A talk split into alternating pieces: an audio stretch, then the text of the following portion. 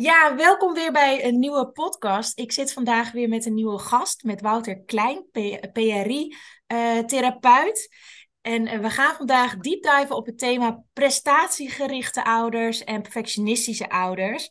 Uh, maar dan ook vanuit de PRI-kant gaan we die bekijken. Tenminste, daar ga jij ons over vertellen, want ik weet daar helemaal niet zoveel van. maar misschien kan je eerst even wat vertellen, Wouter.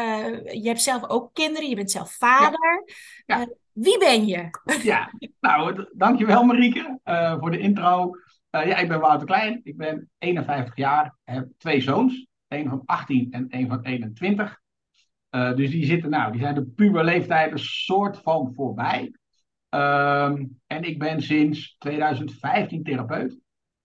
Daarvoor was ik gewoon werkzaam in het, in het normale zakenleven, om even zo te zeggen paar jaar bij KPN gezeten en bij de Technische, uh, Technische Universiteit in Delft. Um, maar na mijn scheiding liep ik tegen een aantal uh, nou ja, problemen aan, uh, emotionele zaken, waar ik indook en mee aan de slag ben gegaan. Ook richting mijn kinderen. hoe ik zelf met mijn kinderen bezig was en waar ik tegenaan liep. Ja, en dat bracht mij zoveel dat ehm, ik ben toen ja, een carrière switch gaan maken. En ben een opleiding tot uh, PRI-therapeut uh, gaan doen. En uh, ja, het is heerlijk. Het is onwijs leuk en ik krijg er onwijs veel energie van. Ja. En het is echt heel fijn om, uh, om mijn cliënten te kunnen helpen en ja, te zien waar die naartoe gaan met hun, met hun vragen en problemen. Ja, en het is wel direct, denk ik, interessant. Wat is PRI? Want het is niet heel bekend. Dus ik heb het ook pas vorig jaar voor, of zo voor het eerst gehoord. Wat is ja. het?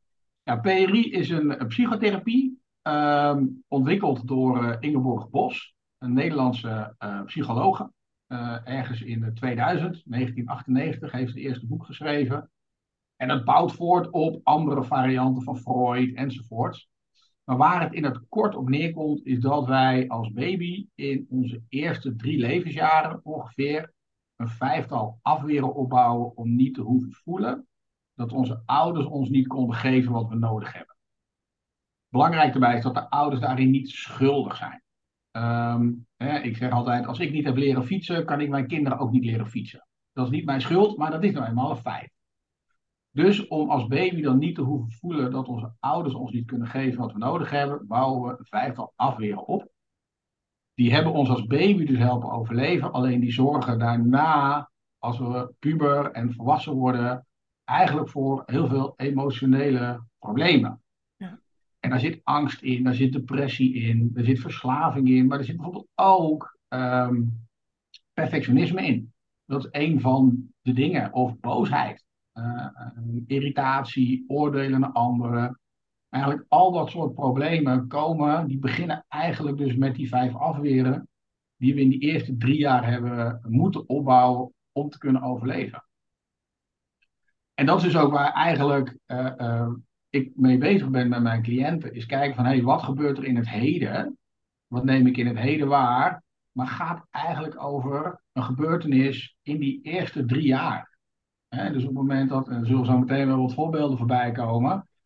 Bijvoorbeeld die puber die zijn kamer niet opruimt. Ja, daar voel ik dan, als mijn kinderen dat niet deden, dan voel ik, ja, ze zien me niet, ik besta niet voor ze, ze vinden me niet belangrijk.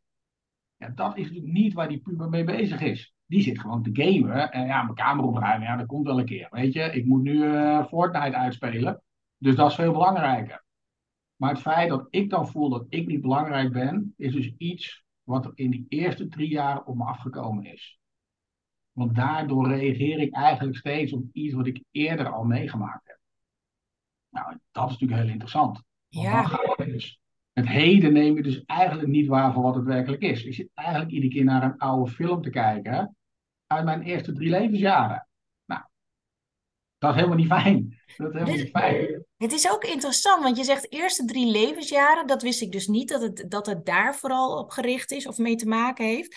Want dat betekent dat je altijd onbewust ervan bent. Want je, ja, je kan op zich wel in theorie weten uh, dat je in die eerste drie levensjaren, ja, weet je, dat kan natuurlijk door van alles komen. Dat je uh, de manier waarop je geboren bent, waardoor je direct bij je moeder weggehaald bent, of, of wat dan ook. Kan van alles zijn. Misschien heb jij daar veel ja. meer voorbeelden straks nog van. Um, maar dan, dan hoeft het dus niet zo te zijn dat jij weet wat er in die eerste drie levensjaren mis is gegaan, om even zo te ja. zeggen. Nee, de, de crux is juist dat je het niet weet. Ja, En dat komt omdat ons emotionele geheugen is al klaar in de baarmoeder. Daar zijn testen mee gedaan dat ze baby's of foetussen eh, Bach lieten horen. En dan na de geboorte lieten ze Bach horen en Beethoven. En die baby reageerde echt anders op Bach dan op Beethoven. wauw. Je moet, je moet mij het verschil niet vragen. Ik, ik hoor het echt niet. Maar die foetus hoort dat wel. Die baby slaat dat wel op. Ehm, alleen ons cognitieve brein is pas klaar als we drie, vier jaar oud zijn. En werkt niet of slecht als er heel veel stresshormonen zijn. Dus wat gebeurt er? Ik ben een, eh, in mijn geval, ehm, ik ben een baby. Ik lig alleen in mijn bedje. En ik hoor dat er beneden, ik ben de jongste van drie, was, er, was het gezellig en leuk, maar ik mocht daar niet bij zijn. Dus ik sla op, jij hoort er niet bij. En ik plak daaraan dat ik alleen ben. Dus ik lig alleen in mijn bedje en wat ik om af voel komen aan energie is, jij hoort er niet bij. Jij mag er niet bij horen. Maar ik weet niet cognitief wat die situatie was. Dan ben ik vervolgens nu in mijn keuken, waar ik alleen sta. En ehm, ja, daar ben ik weer alleen. En dan gaat dat emotionele geheugen, dat roept, hé, hey, ik ben alleen. Oh, dus ik hoor er niet bij bij de rest van de wereld. Terwijl, cognitief weet ik natuurlijk, ja, mijn woonkamer zit vol. Dus hoezo ben ik alleen? Ja, mijn keuken is niet aan de woonkamer. Dus dat voelt heel alleen. En daar gaat de crux vaak dan mis. Dus wat ik ook doe inderdaad met mijn cliënten, is uiteindelijk terug naar die eerste drie jaar. Om te kijken van wat was nou de situatie waar deze overtuiging, deze perceptie is begonnen. En dan haal ik hem naar het cognitieve geheugen, zodat je de volgende keer weet, hé, hey, als ik me alleen voel, oh, dat gaat niet over 2023, maar in mijn geval over 1971. Oh, dus hoef ik me nu niet alleen te voelen. Maar even een hele domme vraag misschien, hè? Nee, Maar als je aan mij zou vragen, we gaan even terug naar jouw eerste drie levensjaren. Ja. Ik weet daar natuurlijk niks van. Nee. Hoe doe je dat dan? Dus, nou, dus hoe ik dat doe, is in een gesprek zoals nu, vraag ik bijvoorbeeld aan jou, nou ja, wat heeft jou nou gisteren geraakt? Waar, heb jij, waar ben je boos over geweest? Of ging je in de please-modus? Of... En dan ga ik je vragen, ga dat eens, teken dat eens, maak daar een schilderij van, vertel me eens hoe dat was. En wat voelde je daarbij? Wat voelde je van jouw twee zoons of van je man op je afkomen? Ja, eh, je hoort er niet bij. Jou willen we niet. Of je voldoet niet. Of iets in die geest. Dan ga Het zijn wel hele vragen. herkenbare dingen hoor. Ook voor mij Ja. persoonlijk. Ik denk ook voor heel veel luisteraars. Daarom zeg ik het ook Ja. maar gewoon. Ja. Ja. maar dat is natuurlijk bij heel veel mensen werkt dat zo. Ja. En dan ga ik vragen, oké, ga dat echt voelen in je lijf. Doe je ogen dicht. En dan ga ik op een gegeven moment vragen, ga naar het moment waar je dit voor het eerst in je leven gevoeld hebt. Mm. En dan komt er een beeld naar boven. En jij weet niet wat het is en ik weet niet wat het is. Dus, hè, en dan komt er iets naar boven. Nou, bij mij was dat dus dat ik alleen in mijn bedje lag. Nou, bij jou, hè, er zijn natuurlijk heel veel kinderen. ehm, het, het consultatiebureau riep heel lang nog, en sommigen nog steeds, laat je kind maar 20 minuten huilen. Ja. Een baby, die huilt niet omdat hij het leuk vindt. Nee. En die huilt ook niet omdat hij denkt, ah, dan kan ik papa en mama pesten. Nee, dan is er iets. Ja.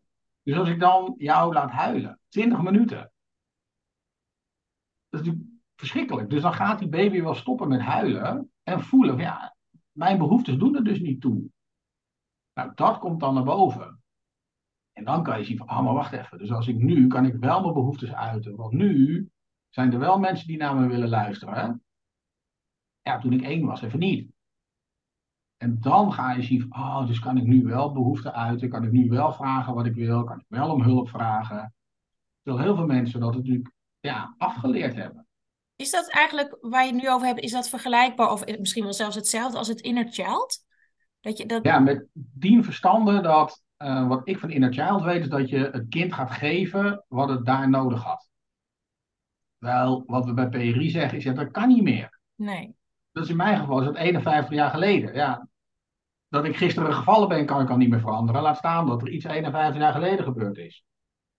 Maar wat we dus wel doen, is je gaat dus echt voelen, wat had ik daar nodig? Ja, die moeder die naar me toe kwam en me oppakte en me knuffelde. Of ehm, dat mijn dekentje weer over mijn li- lijfje werd gelegd. Oké, dus dat hoort daar. Dat hoort niet bij nu. Dus wat is er dan nu wel aan de hand? Ah ja, nee, nu kan ik gewoon aan jou om hulp vragen. Of, hè, of jij kan mensen uitnodigen voor je podcast. Terwijl je eigenlijk misschien wel denkt, ja, er is natuurlijk niemand geïnteresseerd in mijn podcast om als gast op te treden. Terwijl dat natuurlijk echt niet waar is. Ja. Alleen omdat je geleerd hebt, ik mag mijn behoeftes niet uiten, of niet om hulp vragen, of mijn wensen niet kenbaar maken, ga ik niet doen. En dat is natuurlijk zonde. Ja, dus het is, het is vooral een, ja, het is dus cognitieve therapie ook, ergens. Het, het, het gaat over drie pijlers: gevoel, cognitie en gedrag. Dus je gaat eerst cognitief kijken van hey, wanneer door de dag heen voel ik nou dat ik me boos word, of dat ik angstig word, um, of dat ik ga pleasen, of dat ik in een verslaving terechtkom. Weet je? Ja, nee, ik moet worteltjes eten nu. Hoezo? Of ik ben aan het koken, nou, er moet wel een glas wijn bij. Want? En vervolgens ga je, gaan we gedrag veranderen. Dan ga ik jou leren, oké, wat moet je doen als je in een van die afweren terechtkomt. En de derde fase is echt nou dat gevoel. Dat gevoel van vroeger.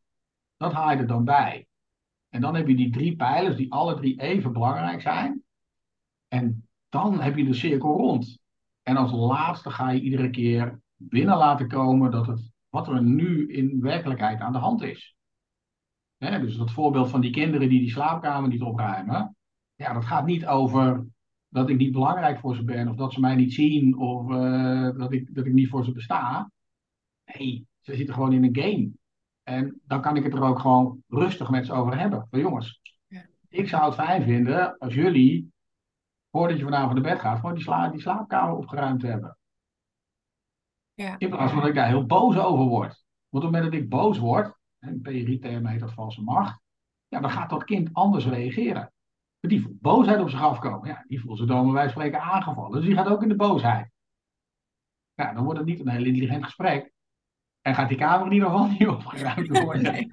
Nee. ik vind dit inderdaad ook heel interessant wat je nu zegt. Want er komt bij mij direct weer een linkje naar de, naar de ouders die zo prestatief zijn en perfectionistisch zijn. Je zegt ook van nou, dat, dat perfectionistische, dat heeft daar ook mee te maken hè, met die afweersystemen. Eigenlijk, volgens mij zijn het dan een soort van overlevingsstrategieën. Ja, dat, ja, ja. ja dat zijn het. En dat het eigenlijk brengt je dat heel ver. Hè? Ik ben zelf ook heel perfectionistisch geweest. En nu inmiddels gaat dat, gaat dat goed. Maar uh, dat heeft me heel ver gebracht. Maar het heeft me ook heel veel gekost. Juist. En wat je nu zegt over die kamer opruimen. Ik kom dus heel veel tegen dat er dus heel vaak strijd ontstaat tussen de ouder en de tiener. Die bijvoorbeeld huiswerk moet maken. Of uh, ja. voldoendes moet scoren. Wat hoger moet scoren om over te gaan. En dat ouders zich daar ontzettend druk om maken. Ja. En dan gaan we dus ook in gesprek over van, gaat dit echt nog om dat huiswerk? En ik denk dat dit dus een mooi haakje is met, met wat jij net vertelde. Als je echt naar dat prestatieve en perfectionistische kijkt van ouders, hoe kan je dat weer koppelen? Um, ja, wat, je, wat, wat is je, dat echt, zeg maar? Dat bedoel ik. Een van de af, er zijn, hè, wat ik zei, er zijn vijf afweren. En een van de afweren, dat noemen we de valse hoop. En die heeft als illusie bij zich ik krijg niet van mijn ouders wat ik nodig heb. Maar als ik nu maar heel erg hard ga werken, heel erg mijn best ga doen, heel lief ga zijn, heel aardig ga zijn, alles perfect ga doen, dan krijg ik alsnog wat ik nodig heb. Dus daar zit die dadendrang achter. dat is ook bij wijze van spreken het begin van je burn-out. Mensen die alles goed willen doen, die drie uur over een mailtje van twee minuten, van twee regels doen, omdat het perfect moet zijn. En dan is dus de grote vraag, ja, waar hoop ik eigenlijk op? ja, ik hoop erop, als je het even hè, groot maakt, als mijn kind overgaat, dat ik dan gezien word als een goede ouder. Ja, precies. En dan gaat het dus helemaal niet over dat kind. Het gaat niet over school. Het gaat er ook niet over dat hij overgaat. Maar het gaat erover dat ik gezien ga worden als een goede ouder. En dan is dus de vraag: oké, wat zou er gebeuren als jij niet gezien wordt als een goede ouder? Ja. ja, dan gaan ze me uitlachen, dan wil niemand meer met me omgaan. Dan ben ik uh, het kneusje van het dorp. Uh, en daar gaat het dan dus over. En dan gaan we dus, en, en dan, nou ja, dat zie je met huiswerk, maar ga even langs de sportvelden staan. Ja. Hoeveel ouders staan daar niet? Kom op, doe je best, harder werken. Ja, daar staat bij spreken die vader die uh, zelf in uh, Ajax 1 wilde voetballen. Uh, en niet verder kwam dan de, de, derde klasse kelder. En die gaat dat dan projecteren op zijn kind. En dan gaat het dus echt niet over dat kind. En vervolgens zijn we uit verbinding. En dat is natuurlijk waar het over gaat. binnen, binnen PRI werken we als het gaat over opvoeden met de afkorting ARE. A-R-E. Aanwezig zijn, dat is één. Responsief zijn op de behoeftes van het kind. En twee, empathisch zijn. Dus verbinding hebben met je kind. dus je kunt aanwezig zijn. Nou, ik heb zelf twee kinderen gehad, of nog steeds. En toen ik bij KPN werkte, toen had ik op vrijdag altijd papadag. En dan ging ik gezellig koffie met ze drinken, maar ik had wel altijd mobiel bij me. Dus dan ben ik wel aanwezig. Ja, ik zat met ze koffie te drinken en zij uh, te spelen, maar ik zat alleen maar op mijn telefoon. Ja, niet beschikbaar. Dan ben ik niet responsief, dan ben ik niet beschikbaar. Ja. En twee, dus ik kan beschikbaar zijn, maar kan ik vervolgens ook aanvoelen wat dat kind echt nodig heeft. Nee, die heeft een knuffel nodig. Of, hè, dat is het voorbeeld met een baby die huilt, denkt dat hij honger heeft, terwijl hij krampjes heeft. Ja, dan kan je eh, voeding geven wat je wil. Maar dat is ook een zoektocht hoor, in het begin. Vertel mij wat. Dat, dat hoor je mij niet ontkennen. Dat hoor je mij niet ontkennen. Maar dus ook, een kind wat niet gemotiveerd is, nou, dan kan je heel hard gaan duwen. Ja. Maar ja, als dat niet het probleem is, als het probleem is niet dat hij niet gemotiveerd is, maar dat hij bang is dat hij het niet kan, ja, dan kan je gaan duwen wat je wil, maar dat gaat er niet in. Nee. Dan heeft het misschien wel zin om te zeggen, hé, hey, laten we even een kop thee drinken samen. Hey, waarom ben je daar bang voor? Ja, dat ik het niet kan, en dat ik blijf zitten, en dat ik dan uitgelachen word, dat jullie dan boos worden op me. Dat, en dat dan met een bespreker of haar. Ja. Ja, wacht even. Natuurlijk, als jij blijft zitten, natuurlijk. Niet wat we willen, maar als dat voor jou beter is, ja, dan is dat zo.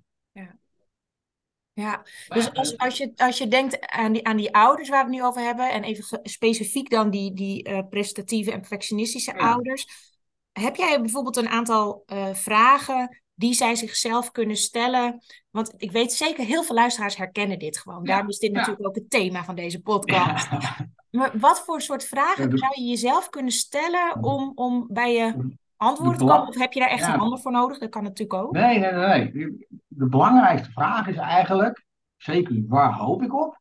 Of wat probeer ik te voorkomen bij mezelf? Dus betrek het niet gelijk op het kind, maar betrek het op jezelf. Hey, waar hoop ik op als mijn zoon wel gymnasium gaat doen? Hè, zometeen zijn weer de, de, de uh, hoe heet het? CITO-toetsen bedoel je? De CITO-toetsen en de, de, de, de gesprekken voor uh, ga je naar de HAVO, de MAVO, ja. VMBO of wat dan ook.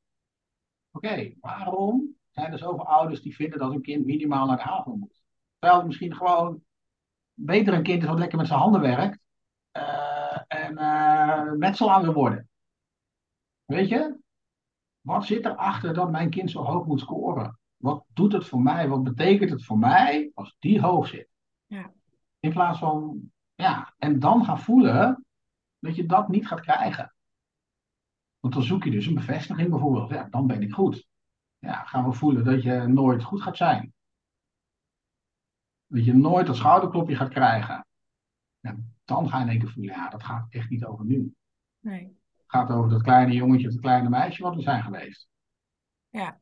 En dan kan je weer gaan kijken, oké, wat is er dan in het hier en nu over? En wat wil ik dan voor mijn kind? Ja, weet je, laat die lekker VMBO gaan doen. Of MAVO. Uh, weet je, uh, die hebben we ongelooflijk hard nodig in Nederland op dit moment. Ja, dus echt kijken naar je kind in plaats van het, het plaatje wat je in je hoofd hebt. Of, of, waar jij als ouder aan moet voldoen. Want daar gaat het eigenlijk vooral om. En daarom moet je kind aan iets voldoen. Dat loslaten klinkt makkelijker dan het is. Maar en dus naar het kind kijken, waar, wat maakt mijn kind gelukkig? Wat, wat wil mijn kind? Wat kan mijn kind? Ja. Ja, is eigenlijk ook weer inner, inner work, hè? Dat je, ja, dus, nee, maar het is echt inner work. En vervolgens, natuurlijk. Kijk, op het moment dat ik... Um, mijn zoon is van gymnasium naar uh, de HAVO gegaan. Dan kan ik voor mezelf voelen wat het met mij doet. Maar vervolgens kan ik met hem ook wel het gesprek aangaan. Van, hé, hoe komt dit nou? Wat is hier gebeurd? Want je kunt gymnasium, dat heb je bewezen. En wat maakt dat je naar de HAVO gaat? En, en dan ook met hem dat gesprek aangaan. En dan kan daaruit komen dat het gewoon veel meer een HAVO-kind is dan een gymnasiumkind. Nou, dat kan. Maar je kan hem ook aansporen. Ja, oké, maar we gaan nu wel even andere acties doen. Hè? We gaan dus niet meer uh, iedere avond de kroeg in, of uh, sporten, of gamen, want we gaan nu wel focussen op de HAVO. Dus dan kan je weer zien van wat is er in het hier en nu echt te doen. En dat kan op het moment dat je je eigen lading eraf kan krijgen. Ja. En dan wordt het natuurlijk interessant. Ja, dus je, ja, ik zit even op een rijtje voor mezelf te zetten. Dus de, de vragen stellen van, oké, waarom is dit eigenlijk zo belangrijk voor mij? Waar hoop ik op? Hè? Ja. Als je het over het niveau van het kind hebt of wat dan ook. En Ja. wat, ehm, wel, eigenlijk ook bijna welke pijn voel ik als dat dus Ja. niet zo gaat als dat niet ik... zo zou gaan. Ja, en dan komt er iets in je op van, nou, dit gaat niet over het nu, dit gaat niet over mijn kind, dit heeft iets uit mijn verleden, eh, Ja. met mijn verleden te maken. Jij zegt ook terecht, dat kan je niet meer veranderen. Nee. Maar wat kan je dan wel doen? Je hebt het net al wel besproken hoor, of eh, gezegd, maar zit even te denken, wat is dat concreet wat je dan als ouder kan doen? Ja, concreet is dat, en dat, dat, dat gaat wat ver voor deze podcast in die zin. Per afweer zijn er een aantal hele makkelijke stappen die je kan doen. En bij, bij angst, hè, dat is een van de afweren, dus echt voelen, oké, wat is het ergste wat er kan gebeuren? Ja, dat mijn kind blijft zitten en dat hij opgroeit voor en rat. Ja, hoe zou dat dan voor jou zijn als dat zou gebeuren? Ja. En dan ga je dat voelen. En dan ga je kijken, ja, maar gaat het ook gebeuren als die in HAVO 3 blijft zitten? Is dat dan werkelijk het geval? Gaat dat Ja. echt zo zijn? Nee, dat is natuurlijk niet zo. En bij de valse hoop, dus dat please gedrag, hè, dat, de lat hoog leggen, daar zit veel meer inderdaad, waar hoop ik op? Waar hoop ik op door eh, eh, hele hoge cijfers of perfect te zijn? Of hè, eh, als mijn moeder komt, dan ga ik een appeltaart bakken. Ja, waar hoop ik op? Ja, dat ze me een leuke zoon vindt. ja, de erkenning eigenlijk, hè? Erkenning, Ja. ja. En dan dus voelen dat die erkenning er niet gaat zijn. En dan nooit was, want die had je als baby nodig. En nu heb je die erkenning niet meer nodig. Ja. En dan kan je dus, ja, oké, dan ga ik dus geen appeltaart bakken. Of ja, dan haalt mijn kind geen eh tienen, maar al maar zes en een halve. Ja, ook goed. Het is ook eigenlijk loskomen van je ouders of verzorgers of iets dergelijks. Wat ooit heeft eh, iemand een keer tegen mij gezegd: je moet stoppen met groenten bij de slager willen halen. Ik vind Ja. hem nog steeds briljant. Want elke keer Ja. dat jij groenten bij de slager wil kopen en je vraagt ernaar, ja, dan is het teleurstelling en dan zal je het niet krijgen. Juist. En hij is best wel confronterend. Hè? Bijvoorbeeld als je het naar je ouders richt van ja, stop met liefde vragen aan je ouders bijvoorbeeld Ja, dat is nogal wat. Maar het is ook nogal wat als jij continu die erkenning zoekt en die liefde zoekt en die niet Ja. krijgt. Dus het is, als ik jou goed begrijp, ook een stuk accepteren en loslaten Ja. van dat stuk ja, wat je niet hebt gekregen en misschien Ja, ook wat je nooit niet zal krijgen. en, en, en, nou ja, en misschien ook wel helemaal niet meer nodig hebt in het nu. Ah, dat is ook een mooie. Dat, Ja. is natuurlijk, dat is natuurlijk de andere kant. Hè? Dat jij hebt geen erkenning meer nodig om te leven. Kijk, als baby heb je die nodig. Want dan ben je 100% afhankelijk van die ouders. Dus dan is het belangrijk dat die ouders jou leuk, lief en aardig vinden. Want die moeten jou voeden. En die moeten jou vooral liefde, warmte en genegenheid geven. Dat is levensbelang eigenlijk. Dat is, dat is echt levensbelang. Als je dat niet hebt. Hè, de naties hebben onderzoeken gedaan met een weeshuis. En dan gaven ze die kinderen wel eten en drinken. Maar ze raakten ze verder niet aan. Binnen een paar maanden overleden de eerste baby's. Jeetje. Zo belangrijk is liefde, warmte, genegenheid en geborgenheid voor ons als baby. Maar jij en ik kunnen zonder erkenning, zonder waardering van een ander. Die kunnen wij nog zelf halen. Tuurlijk vind ik het fijn als een cliënt tegen mij zegt: Wauw, ik ben onwijs blij, je hebt het zo goed gedaan. Maar ergens weet ik dat ook voor mezelf wel, dat het goed gegaan is. Of dat ik zie dat hij progressie maakt. Ja, dat hoeft hij niet te zeggen. En ik eet er geen boterham minder om, zeg ik altijd maar, als hij het niet doet. Wel, die baby heeft dat dus echt van, is echt van levensbelang dat het er wel is. Ja. Dat is natuurlijk echt wel het verschil. Als mens kunnen we ook in ons eentje leven. Het is niet gezellig en het is niet leuk, maar het kan wel. Ja, en dat is ook weer een uitdaging als je natuurlijk onzeker bent, als je die bewijsdwang hebt, perfectionisme en, en, en welke afweermechanismen, overlevingsmechanismes ook, dan zit er een onzekerheid natuurlijk diep van binnen. En dan is het moeilijk of een uitdaging, maar zeker niet onmogelijk, maar om die erkenning aan jezelf te geven. ja, ja. En, en, en hè, die, die onzekerheid, dat is eigenlijk de belangrijkste overleving die we creëren. Hè, en die heeft dus de illusie bij zich, ik krijg niet van mijn ouders wat ik nodig heb en dat komt door mij. Ik ben dom, ik ben stom, het is mijn schuld, ik kan het niet. Al die negatieve gedachten die we over onszelf hebben, is eigenlijk de belangrijkste overleving die we creëren. Want daardoor voel ik, hoef ik niet te voelen dat het aan mijn ouders ligt. Oké, dus het ligt aan mij. En dan kan ik er wat aan doen, want ik ben in controle over mezelf. Dus Ja. dan kan ik of perfectionistisch gaan worden, of ik ga de boosheid in. Eén van de twee. Ja. Maar dus die laag van ik ben niet goed genoeg en het is mijn schuld. Schuld is ook echt een heel vervelend woord in die zin. Ehm, daar, als je daaraan kan gaan werken, ja, dat is echt waanzinnig. Dat is echt zo waanzinnig mooi. Want dan ga je echt, kom je echt in je eigen kracht en kan je echt gaan werken. En ik ben gewoon perfect en goed zoals ik ben. Ja. Tuurlijk, ik heb fouten, maar ik ben wel goed zoals ik ben. En dat hoeft niet te veranderen. ja, en dat was al zo toen je net geboren werd dat- natuurlijk. Als je, geboren allemaal. wordt, als je geboren wordt, ben je perfect. Ja. Ik ben echt perfect als baby. Het wel relaxed, hè? Als je beseft dat je gewoon al helemaal gewoon goed genoeg bent. Ja. En op, op ieders eigen manier perfect bent en de ander niet nodig hebt. Nee, jij bent goed zoals je bent, zoals je geboren wordt. Ja. Ja, met eh, eh, eh, wel of niet een handicap en wel of niet whatever. Jij bent gewoon goed zoals je bent. Ja. Heb jij ook bepaalde voorbeelden? Ik weet niet of je die, want dat heb ik je niet Mhm. van tevoren gevraagd volgens mij. Maar heb jij ook bepaalde voorbeelden uit de praktijk wat je vaak tegenkomt, wat de, de oorzaak is ehm, achter dat perfectionisme en die bewijsdrang? Ja, Van- ja, dat, nou ja, dat is dus. ehm, het, is niet, het is niet perfectionisme, dus is dit gebeurd. nee. Dat, die één op één link is er niet. Want Nee. dat, kan echt, dat kan echt van alles zijn. Ehm, maar ja, wat, wat je natuurlijk wel, ja, wat ik zelf dan heb. en ik zit in die perfectionisme, ik zit heel erg in die please-hoek, heb ik altijd gezeten. Ehm, omdat bij mij die primaire afweer, dus die afweer waarbij je heel negatief over jezelf denkt, ja, dat was gewoon echt een waanzinnige betonnen muur. Dat is bijna de muur waaruit dat kasteel op mijn achtergrond eh, opgebouwd was. Zo, zo stevig was die. Maar om dat niet te hoeven voelen, moest er ongelofelijke valse hoop, please gedrag overheen. En bij mij zat er dus inderdaad in dat ik alleen was. Dat ik alleen gelaten werd in mijn bedje. Ja, dat moest wel aan mij liggen, want het kon niet aan mijn ouders liggen. Nou, als dat dan maar vaak genoeg gebeurt, ja, dan wordt die, die primaire afweer, die, die negatief over jezelf denken, pardon, die wordt gewoon heel groot. En dus dat verschilt heel erg. Ja. Ehm, hè, en dat, dat kan echt van alles zijn. Dat kan eh, eh, een moeder zijn die ziek is.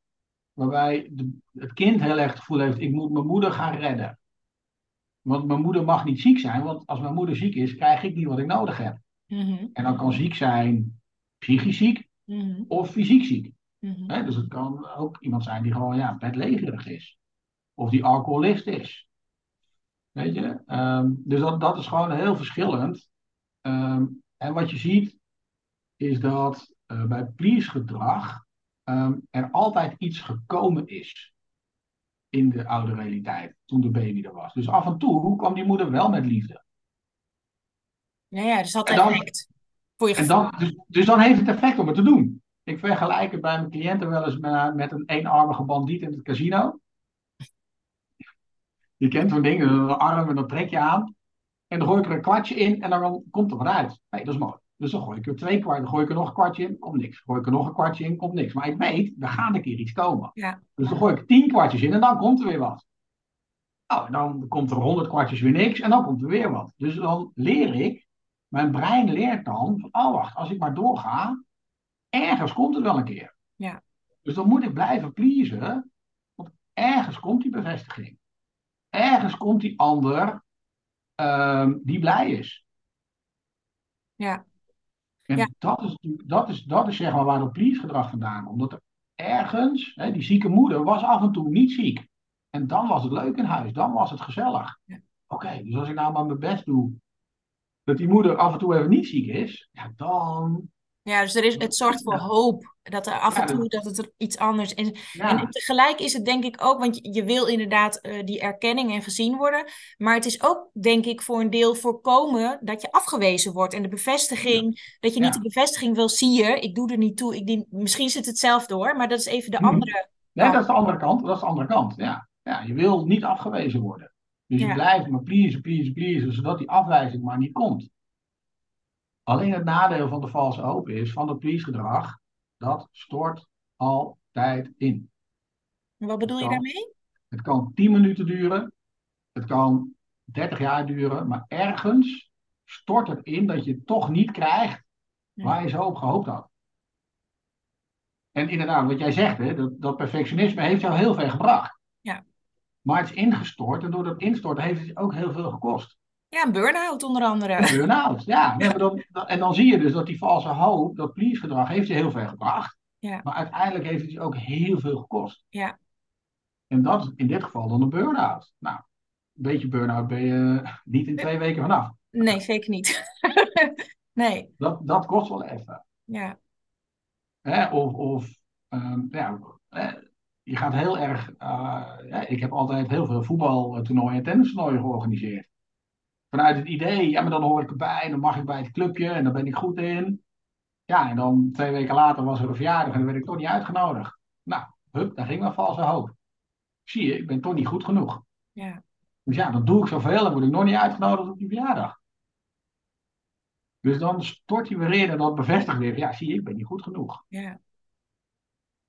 Ja, kom je er ooit, het klinkt wel alsof het een ziekte is, maar kom je er ooit helemaal van af? Of blijven de rest van ons leven altijd wel een stukje ervan met ons meedragen? Ik denk Nee, zelf namelijk dat laatste. Ja, Ja, er, en, en kijk, waar PRI, waar de therapie op, eh, eh, die ik geef, op gebaseerd is, is dat die afweren er altijd zijn. Ja. Alleen ze worden minder.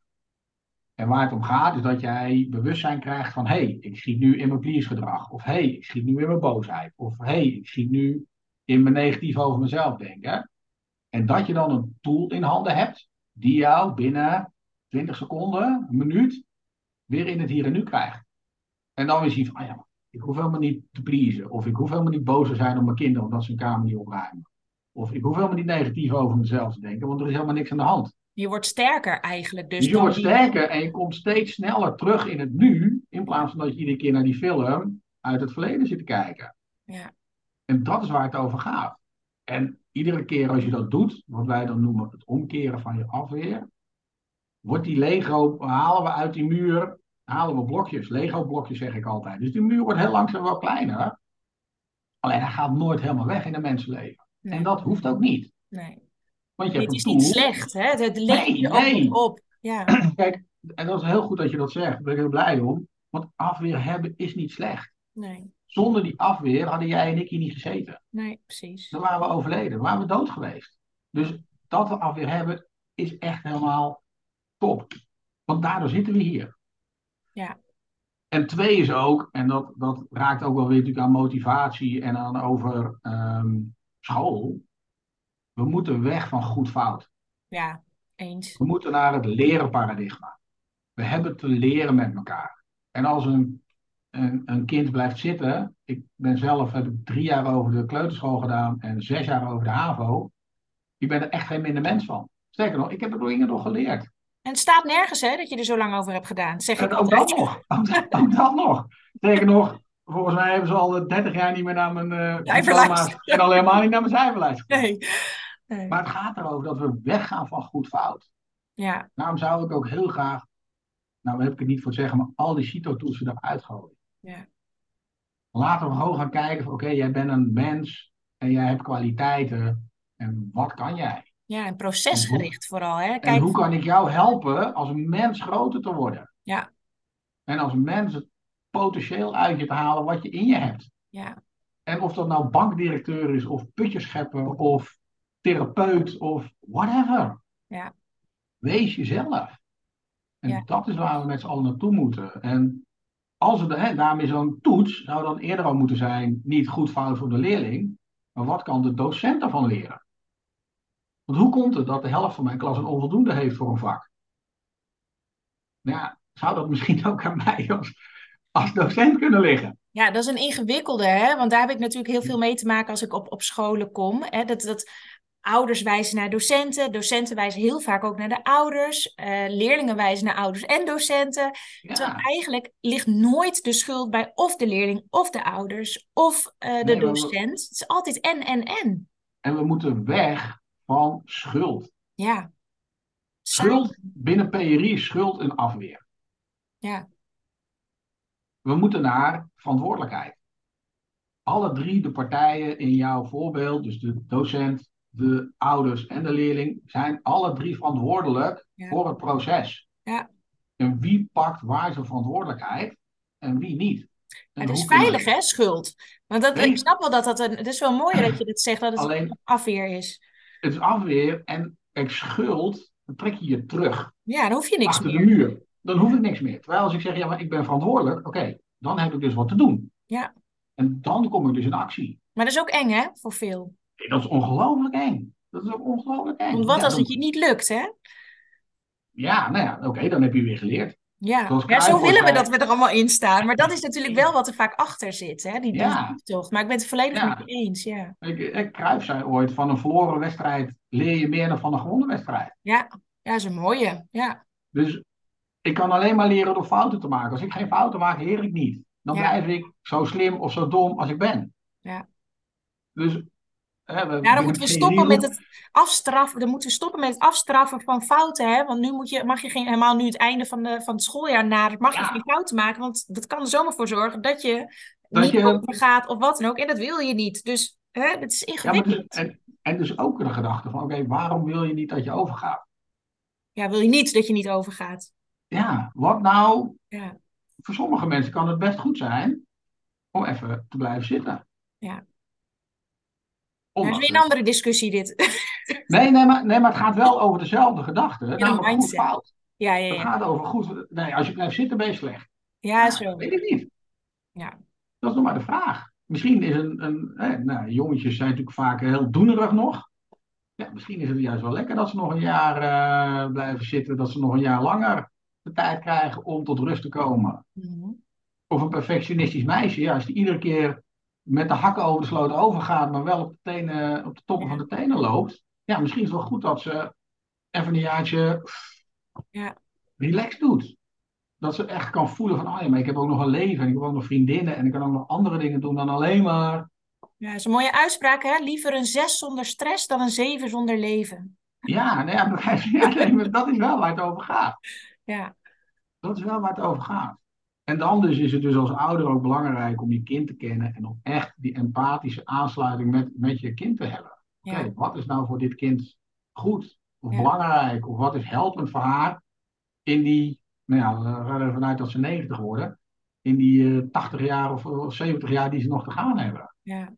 Ja. Dan maakt één jaar zitten blijven, als dat het al zou zijn, hè? Ja. Nee, dat is ook zo. Eh, ik heb nog wel een vraag. Ehm, ik mhm. merk dat als ik vaak in docententrainingen bijvoorbeeld, of met ouders heb over perfectionisme, um, vaak wordt er best fel gereageerd voor mensen die daarmee worstelen. Uh, dat perfectionisme, dat dat ook weer fout is. Hè? Dat, dat idee hebben ze dan heel vaak. En dat is natuurlijk waar ze niet naar streven. Hè? Dat ze een oordeel krijgen dat ze perfectionistisch zijn, ja. moeten loslaten, maar dat lukt ze juist niet. Dus ze doen iets fout. Ja hoe kijk jij daar tegenaan? Wanneer is perfectionisme een probleem, zeg maar? En wanneer, ehm, wanneer niet, zeg maar? Snap je een beetje mijn vraag? Ja, ja ik snap je vraag. Ik snap je vraag. Kijk, belangrijk is om... Vanuit PRI weten we, perfectionisme is een overleving. Ja. Dus er is iets ouds geraakt. En daardoor ga ik in een perfectionisme. Dus dat, dat verontschuldigt al. Oh ja, wacht even. Het is niet dat ik iets wil bereiken. Nee, dat is gewoon een overleving die aangaat. En daardoor wil ik perfect zijn. Oké, dus dat is belangrijk. Dus kan ik er eigenlijk niks aan doen. Dat is gewoon automatisme. Dat helpt al. Dat verontschuldigt vaak al voor mensen. Oh, wacht even. Dit is wat er aan de hand is. Twee, kijk, perfectionisme is vervelend op het moment dat je er echt last van krijgt. Ja. Eh, op een gegeven moment had ik een cliënt die deed drie uur, letterlijk drie uur, over een mailtje van drie regels. Ja. ja dan wordt het toch wel heel, dan wordt het echt heel vervelend. Dan doe je iets wel op een dag. Ja, jij, ja, met je perfectionisme pleasen, ben in een burn-out terechtgekomen. Ja, dan is het natuurlijk heel vervelend. Ja.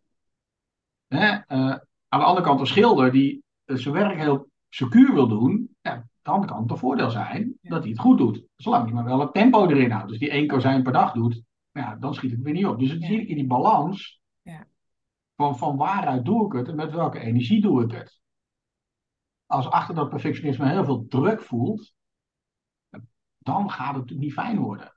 Dus eigenlijk voel je zelf wel of het een last is of niet. Ja, ja. ja. En dan is natuurlijk wel de vraag hoeveel mensen kunnen nog echt bij hun gevoel. Ja. Dat kan natuurlijk wel eens een lastige zijn. Uh, want wij zijn natuurlijk met z'n allen heel ver weg van ons gevoel gebracht. Wij zijn natuurlijk allemaal cognitief bezig en niet met gevoel. Gelukkig gaat het op scholen ook weer anders worden. Weet je? Er zijn steeds meer scholen die ook aan meditatie doen en aan yoga enzovoort. Laat, het, laat dat lijf maar, voel je lijf maar. Maar dat is wel waar het op een gegeven moment over gaat. Dat je weer kan voelen van hé, hey, nou ja, nu ga ik een grens over. Oh, nu is het nog fijn. Ehm, en nu heb ik ook een keuze. Nou, nu, nu wil ik het heel secuur doen. Want dit is een hele belangrijke mail. Of dit is een? Oh ja, maar die brief aan mijn, aan mijn broer, nou weet je, die uh, rammel ik met typfouten, gooi ik hem eruit, want dat is niet zo belangrijk. Hmm. En dan kan je denken, van, ah ja, maar daar zit dus het verschil. Ja, ja, en als we de, de, tot slot misschien de, de um, huidige situatie en de gewenste situatie naast elkaar zetten, om even helder te mhm. maken met wat voor een uh, uh, ja, worstelingen. De worstelingen hebben we aardig duidelijk besproken, denk ik. Maar van deze prestatieve en perfectionistische ouders komen ze binnen bij jou, zeg maar. Mhm. En hoe gaan ze weg? Wat, waar willen ze naartoe, zeg maar? Zie je daar een duidelijk verschil? Ja, kijk, wat, wat, wat je natuurlijk. Um, uh, kijk, waar mijn therapie, de therapie die ik geef, het doel van de therapie is dat ik mijn cliënten PRI leer. Dus ik los niet al hun problemen op. Mm. Even cru, ik leer ze, als ze in dat perfectionisme schieten, wat ze dan moeten doen. Ja. Zodat ze daar weer uit kunnen. Dus wat je ziet, is dat er juist veel meer ontspanning komt. Of dat ze echt in hun kracht komen en van daaruit uh, weer verbinding kunnen maken met een ander.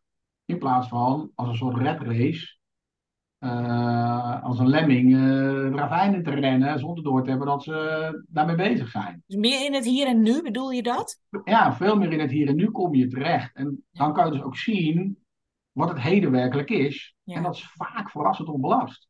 Vaak is er in het heden eigenlijk niks aan de hand. Alleen maakt onze perceptie, die opgebouwd is in die eerste drie jaar, er een zootje van. Ja. Die zegt dan van ja, er is nu echt iets heel ergs. Terwijl ja, in het heden is een, vaak niet zo heel veel aan de hand. En eigenlijk is het dus wel heel belangrijk om, om dit aan te pakken als oudste. Mensen, zo kijk ik er persoonlijk tegenaan. Want daarmee um, zorg je ervoor dat je kind ook meer in ontspanning kan opgroeien. Ja, ja, ja. Dus, dus het mooi zou zijn als nou ja, ouders to be er al mee aan de slag gaan. Ja. Nou, dat lukt niet bij iedereen meer, want we zijn, jouw luisteraars zijn natuurlijk al bij pubers bezig, dus dan ben je al een stukje verder. Maar het zou heel fijn zijn als die ouders alsnog al wel met dat stuk aan de slag gaan. Ja. Maar hey, waar komt mijn perfectionisme vandaan? Of waar komt mijn dadendrang vandaan die ik projecteer op mijn kind? Ja. Of kinderen? En dat is natuurlijk, uh, ja, als ze daarmee aan de slag kunnen, geeft dat ook inderdaad heel veel ontspanning voor kinderen. En kunnen de kinderen, die natuurlijk ook al die afweer hebben, ja, deze ook zelf naar gaan kijken. Van, ja. hey, waarom heb ik faalangst? Ja. Waarom voel ik, hè, heb ik depressieve gevoelens? Heb ik depressieve ideeën? Of waarom uh, ja, sluit ik me niet aan bij vriendjes? Of heb ik altijd het hoogste woord in de groep? Terwijl ik dat eigenlijk niet voel. Ja. Het is eigenlijk nooit te laat, hè? Want je, het is natuurlijk is het mooi als je het hoort dat je kinderen er zijn.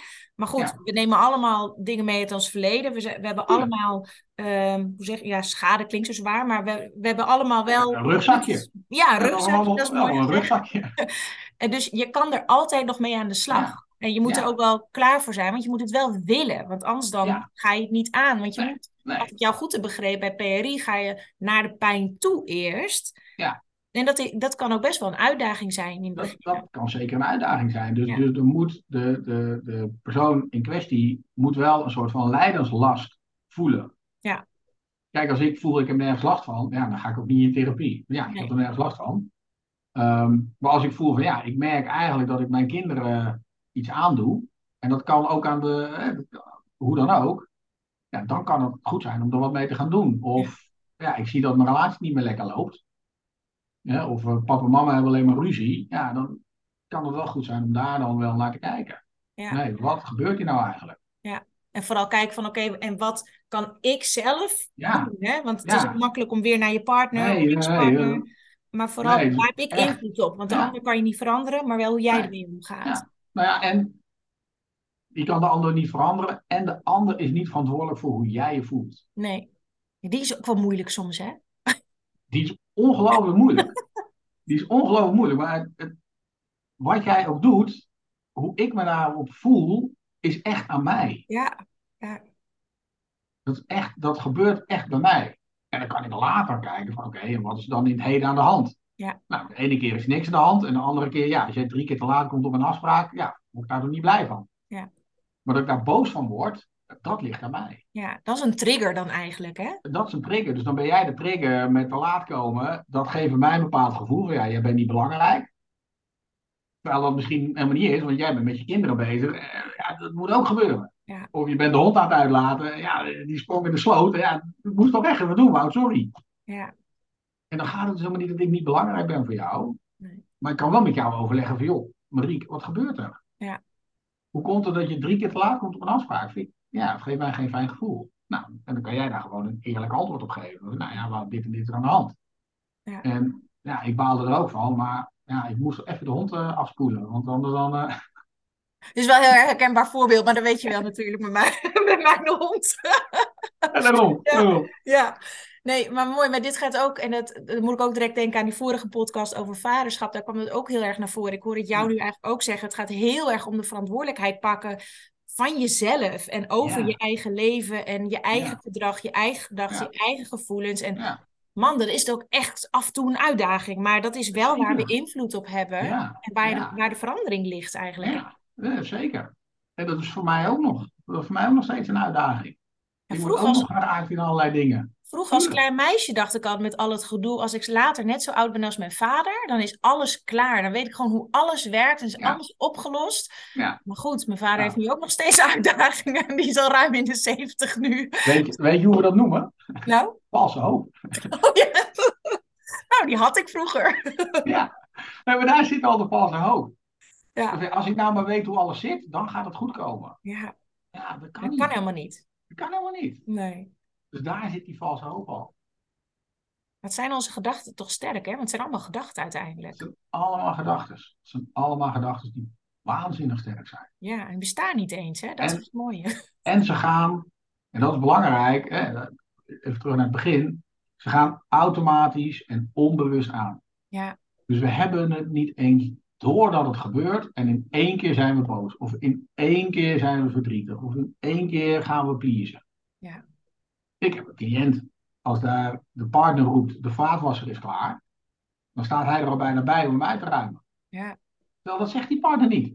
nee. Die zegt niet, jij moet de vaatwasser uitruimen. Die geeft alleen een feitelijke, feitelijke opmerking. De vaatwasser is klaar. Ja. En onbewust en automatisch rent hij er al naartoe. Oh, dan moet ik het gelijk oplossen en opruimen. En, eh, Dat soort dingen. Ja, interessant hoor. En je wordt dus bewust van het onbewuste door onder andere PRI. Ja, ja. Wauw. Jeetje, ik vind het echt interessant. Ik zit even te checken of ik alle, alles heb gevraagd wat ik wil vragen. Volgens mij wel. Ik weet niet of ik iets ben vergeten waarvan je zegt, ja, dit hebben we eigenlijk niet besproken, maar is wel waardevol om nog te zeggen. Nee, volgens, volgens mij niet. Eh, ik denk dat we alles wel, eh, wel besproken hebben. En ja, het belangrijkste is inderdaad in contact komen met jezelf en van daaruit in contact komen met je kind. Ja, en als je dat moeilijk vindt om contact te komen met jezelf, dan kan je dus daar dus, nou, Daar kan je hulp bij vragen. Dat is Ja. goed om daar hulp bij te vragen. En als dat PRI is, is dat PRI. En als dat een vriendin is eh, of een vriend, ook goed. Weet je, het gaat erom dat je met jezelf daarna gaat kijken. Van, hé, hey, ik ben toch wel heel veel boos. Of ik ben toch wel heel veel aan het pleasen. Of, Ja. oké, ga daarmee, ga daar naar kijken en mee in gesprek met iemand. Om daar wat aan te doen. Ja. Hey, en als het ze is nou... voor jou fijn en het is voor je kinderen fijn. Ja, zeker. En als ze nou meer willen weten over jou, want jij bent PRI-therapeut, Ja. waar kunnen ze dan informatie vinden? www.wouterklein.nl En klein is met een lange ei. Maar dat zal ook wel in de, Ja, ik ga het in in de ik ga het jouw eh, podcast. podcast en- komen staan. Erom. ja, ik ga het dus, onder, eh, ook onder de podcast, ja. zal ik ook even een linkje naar je Ja. website zetten. Ja. En je kan op mijn website kunnen ze ook een test doen van 50 vragen en dan komt hun eigen afweerprofiel eruit.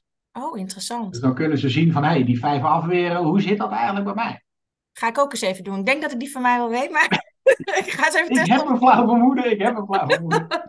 Ja, nee, superleuk en interessant. Eh, Ja. Ik denk dat we hem kunnen afronden dan. Nou, top. Onwijs bedankt Onwijs. Ja, maar jij onwijs bedankt voor alle waardevolle informatie en praktische voorbeelden. Ja, En eh, ik hoop dat, we mensen hebben kunnen inspireren met ik eh, hoop het ook. naar zichzelf kijken. Jee! Ja, Ja, maar het levert veel moois op. Daar doen we het voor, toch? dat sowieso. Daar doen we het zeker voor.